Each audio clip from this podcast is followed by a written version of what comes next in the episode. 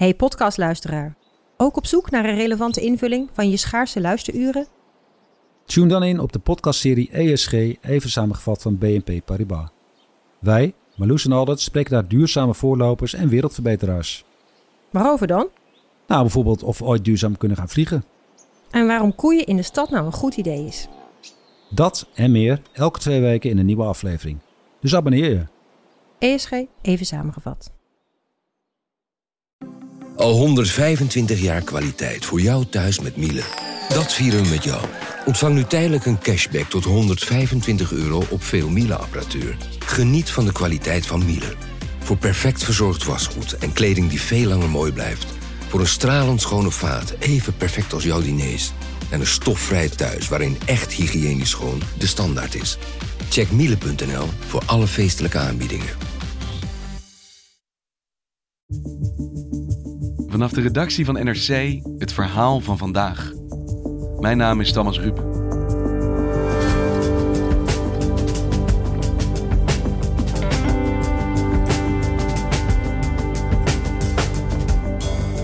In Hongkong gingen de afgelopen week 2 miljoen mensen de straat op. Ze demonstreren tegen een nieuwe uitleveringswet. Maar er staat meer op het spel. De invloed van China, dat al jaren probeert zijn greep op Hongkong te verstevigen. Hoe lang houdt de vrijheid daar nog stand?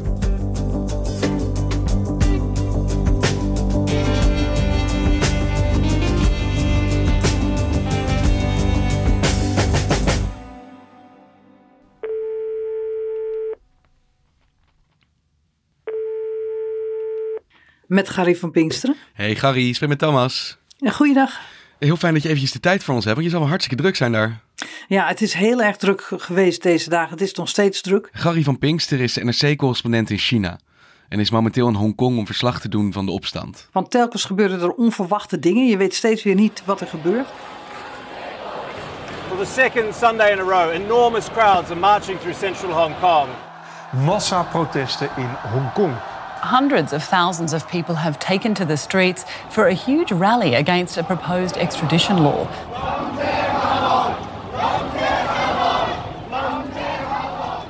Zondag gingen er 2 miljoen mensen de straat op. Dat is in ieder geval wat de organisatoren zeggen. En 2 miljoen mensen is enorm veel, hè? want dat is ongeveer 30% van de bevolking van Hongkong. En dat kon je ook wel zien op straat, want je zag niet alleen jongeren, je zag ook ouderen. Je zag mensen die met de hele familie gekomen waren, of zelfs met kinderwagens en kleine kinderen in draagdoeken. Dus het is een heel breed gedragen protest. En de sfeer is enerzijds soort vrolijk en gelukkig van kijk eens met hoeveel mensen we hier dat staan te demonstreren en wie er allemaal gekomen zijn. Maar er zit ook wel woede in.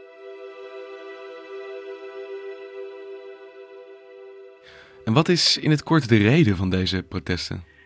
Deze protesten hebben eigenlijk een hele merkwaardige kleine reden. Want het gaat om een wet die uitlevering van uh, criminelen vanuit Hongkong naar China mogelijk moet maken. Maar mensen zeggen het gaat niet om die wet. Het gaat erom dat China zo een manier krijgt eigenlijk om op het rechtssysteem hier in Hongkong in te grijpen. Want er is tot nu toe altijd een apart rechtssysteem geweest in Hongkong. En mensen zeggen als je nu deze nieuwe wet krijgt, dan is eigenlijk de, zo'n beetje de barrière, de firewall die er, die er staat tussen Hongkong en China qua rechtssysteem, die valt daarmee deels weg. En de grote angst is dat China deze wet gaat gebruiken om bijvoorbeeld uh, uh, ook politieke dissidenten op valse gronden aan te klagen en ze op valse gronden ook te laten uitleveren in, aan China, zodat ze dan in China in de cel komen. En het is ook een wet waar zakenmensen nogal bang voor zijn. Want die zitten juist in Hongkong en zeker het internationale zakenleven zit hier, omdat ze hier een rechtsbescherming hebben die ze in China niet hebben. En wanneer zijn die protesten begonnen? En de protesten van zondag waren niet de eerste. Vorige week zondag is er ook al gedemonstreerd. Toen waren er een miljoen mensen. Dat verliep ook heel vreedzaam. Uh, maar daarna, op woensdag, woensdagnacht, zijn er echt wel rellen geweest. En zijn er uh, mensen gewond geraakt, zo'n stuk of 80. Tens of thousands of people taken to the streets. Police confronting them with tear gas and rubber bullets. In the past few hours, tens of thousands of protesters have faced off and clashed with police in the city's central business district. Authorities fired tear gas and pepper spray. Want toen heeft de politie met traangas en met rubberkogels op de mensen uh, geschoten. En dat is eigenlijk hier in Hongkong heel zeldzaam. Dat gebeurt bijna niet. En daarover zijn de mensen heel erg kwaad geworden. En uh, eigenlijk ook doordat het zo fel was, zo, de afgelopen woensdag, zijn er uh, deze zondag ook zo ontzettend veel mensen de straat op gegaan. Want hoe zit het ook weer met Hongkong? Uh, welke status heeft Hongkong ten opzichte van de rest van China? Hongkong was een kroonkolonie van Groot-Brittannië. Dat is het uh, bijna 100 jaar geweest. Het was een, uh, ja, een vissersplaatsje, maar het is uitgegroeid onder de Britten tot een uh, zeer welvarend economisch centrum. En dat kon het juist omdat er in Hongkong een beetje Britse en Westerse wetten gelden. En daardoor wilden de buitenlandse bedrijven daar ook heel graag zitten. Maar China heeft gezegd: ja, wij willen, die, wij willen Hongkong terug. Uh, jullie hebben het alleen maar uh, gepacht eigenlijk. Jullie hebben het in beheer gehad voor 99 jaar. We willen het terug. En dat is in 1997 ook gebeurd.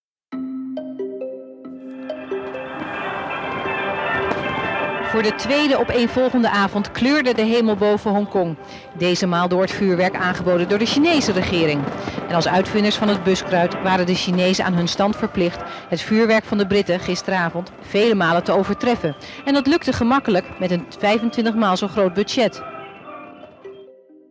Uh, en daar is over onderhandeld toen om te kijken hoe dat dan moest. Hè? Omdat Hongkong zo'n totaal ander systeem heeft. En eigenlijk een, een, vooral een westers systeem.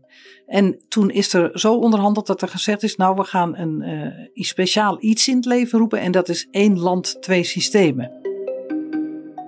Uh, President Jiang Zemin reaffirmed again that one country, two system, Hong Kong people governing Hong Kong with a high degree of autonomy will remain unchanged for a long, long, long, long time to come.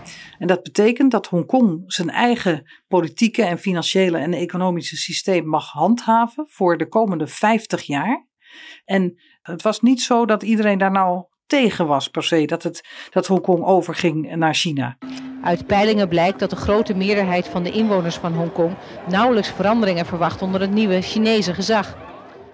Er was ook een beetje de hoop dat, uh, zoals dat, het, dat het systeem in Hongkong eigenlijk uh, een sterkere invloed zou gaan krijgen op het Chinese systeem. En dat het Chinese systeem langzamerhand zo zou worden als dat het in, in Hongkong is.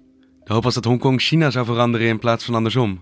Jazeker, dat was gek genoeg. Uh, als je nu terugkijkt, was dat dus de hoop. En was het idee, ja, China zal gaan veranderen, zal gaan democratiseren ook. Uh, en zal er dan veel aan hebben, juist dat ze daar een goed voorbeeld hebben in Hongkong. En dat model van Hongkong wordt dan misschien ook wel meer in China gebruikt. En wat is daarvan terechtgekomen? Nou ja, en als je nu kijkt, dan is daar dus uh, bijzonder weinig van terechtgekomen. Uh, China heeft zich in de eerste tijd dat uh, Hongkong weer bij China hoorde, niet al te veel met Hongkong bemoeid. Maar ze zijn dat langzamerhand steeds meer gaan doen op allerlei terreinen.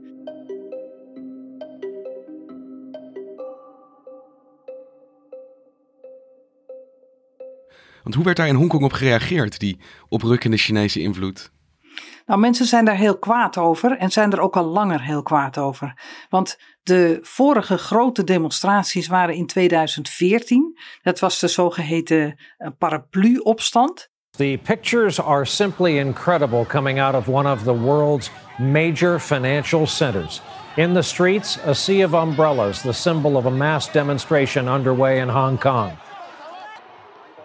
Die demonstraties, die geleid hebben tot een wekenlange bezetting ook van het centrum van Hongkong, die gingen over eigenlijk een eis van die de mensen hadden om hun eigen leiders meer democratisch te kunnen kiezen. Want uh, hoe het nu is, is dat je niet een systeem hebt in Hongkong van uh, one man, one vote. Hè, dat, dat, je, dat iedereen één stem uitbrengt, bijvoorbeeld voor het parlement of voor de hoogste leider. Maar zeker die hoogste leider, die wordt eigenlijk gekozen door een soort kiesmannen.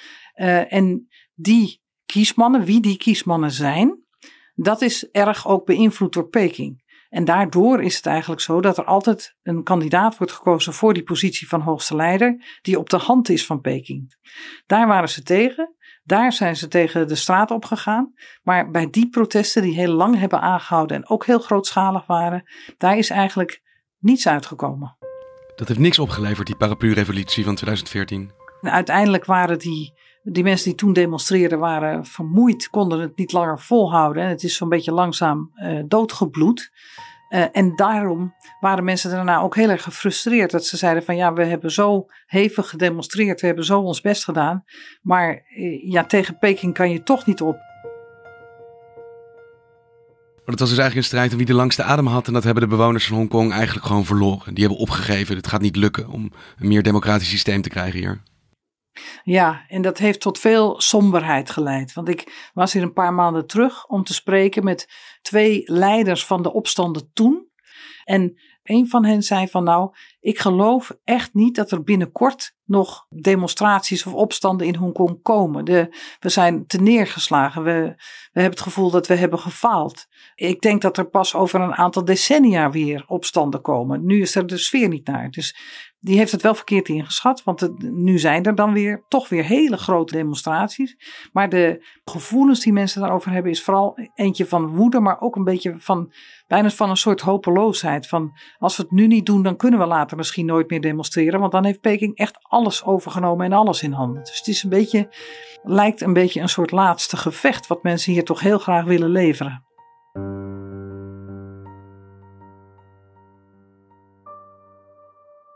Ik heb ook een interview gehad met een moeder en een dochter.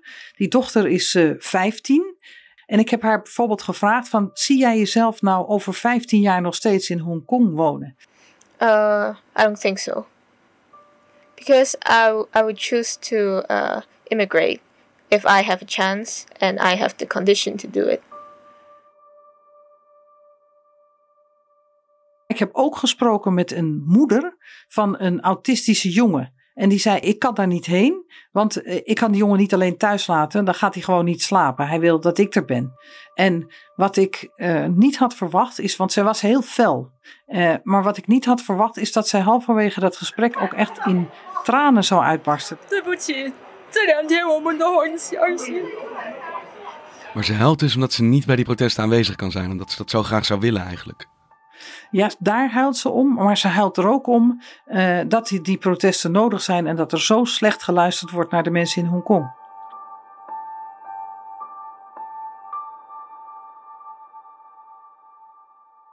Hey, en die protesten die waren dus gericht tegen een uitleveringswet. Want wie zou daar iets aan kunnen doen? Wie heeft de, de, de zeggenschap in Hongkong om daar iets uh, aan te veranderen, om die eisen in te willigen? Ja, formeel is dat dus de hoogste leider van Hongkong, Carrie Lam. Uh, maar die staat eigenlijk tussen twee vuren. Die heeft enerzijds rekening te houden met de eigen bevolking, maar aan de andere kant heeft ze ook heel hard rekening te houden met de wensen vanuit Peking, van Xi Jinping op de achtergrond. Uh, en die, Peking wil dat de, zo deze wet er wel komt. Dus zij uh, is niet vrij om te handelen, ze is niet vrij om in te gaan op de eisen van de demonstranten, maar ze is aan de andere kant ook niet uh, helemaal vrij om die uh, eisen totaal te negeren. Want als ze dat doet, ja, dan heeft ze min of meer een volksopstand uh, daarmee te maken. En dat is ook iets wat Peking ook absoluut niet wil. Ze zit in een hele lastige positie tussen Peking in en tussen de bevolking in. En ze lijkt in ieder geval bij de bevolking wel erg haar uh, positie te hebben verloren. Want heeft zij op een punt geluisterd naar de demonstranten? Hebben zij iets voor elkaar gekregen bij haar? Nou, ze hebben heel veel voor elkaar gekregen. En dat is ook wel wonderlijk. Dat had ik, ik in ieder geval niet gedacht, maar hadden veel mensen ook niet gedacht. Want zaterdag heeft ze gezegd: uh, Ik stel die wet voor onbeperkte tijd uit. After repeated internal deliberations over the last two days, I now announce that the government has decided to suspend the legislative amendment exercise. Nou, dat is een hele grote knieval.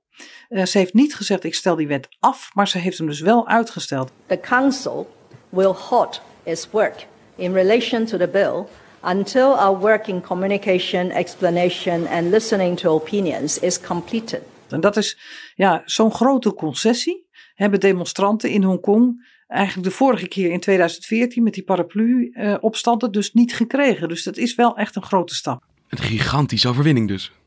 Dat zou je denken, maar de demonstranten zien dat niet zo. Ze zeggen dat is niet genoeg, het is een truc. Wij kennen dit soort trucs. En wat er dan gebeurt is dat dan wordt zo'n wet uitgesteld. Maar dan als op een gegeven moment als niemand oplet, over een, kan over een aantal maanden zijn of over een aantal jaren. Dan wordt zo'n wet toch weer van stal gehaald en er alsnog doorheen gejast in het parlement.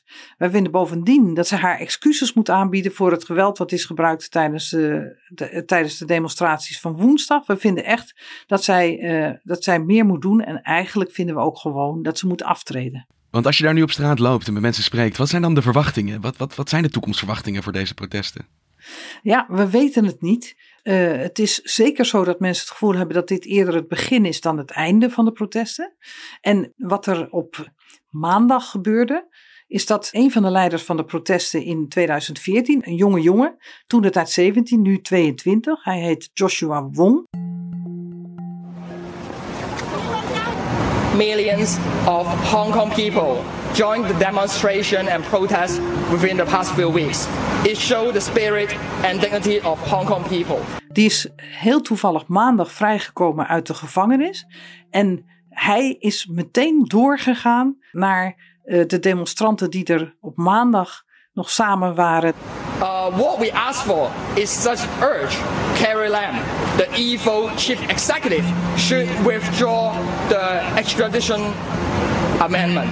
En hij zegt, nou we moeten naar het huis van Carrie Lam. En hoe het precies gaat lopen weet natuurlijk nog niemand. Maar het kan zijn dat hij een soort nieuwe leidersrol, want deze beweging had nog niet zo duidelijk een leider, een nieuwe leidersrol op zich neemt, ook deze keer bij de protesten. En dat dat ook weer een nieuwe impuls geeft aan de protesten. Let the international communities to realize that how Hong Kong people will not keep silence under the suppression of President Xi and the chief executive Carrie Lam.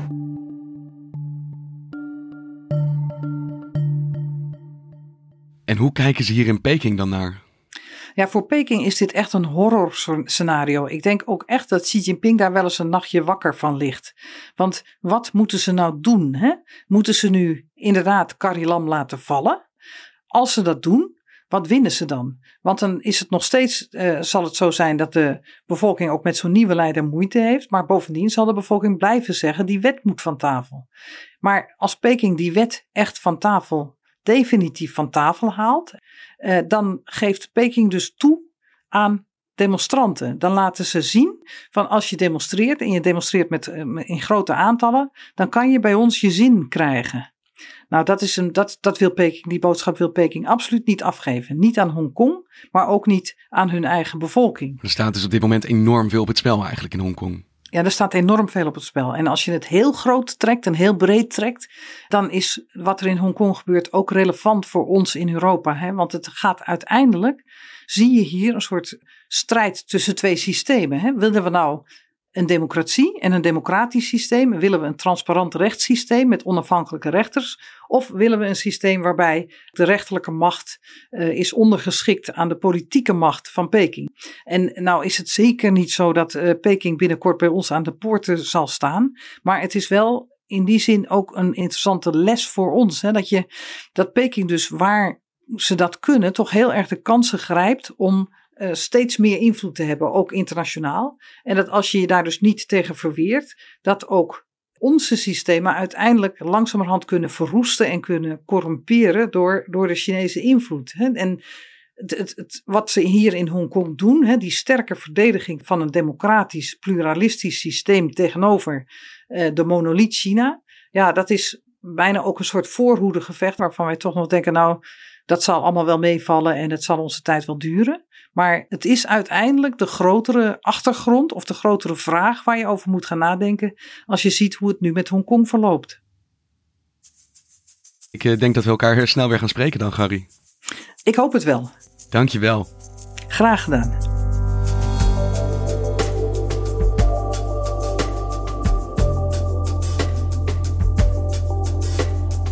Je luisterde naar vandaag, een podcast van NRC. Eén verhaal, elke dag. Dit was vandaag, morgen weer.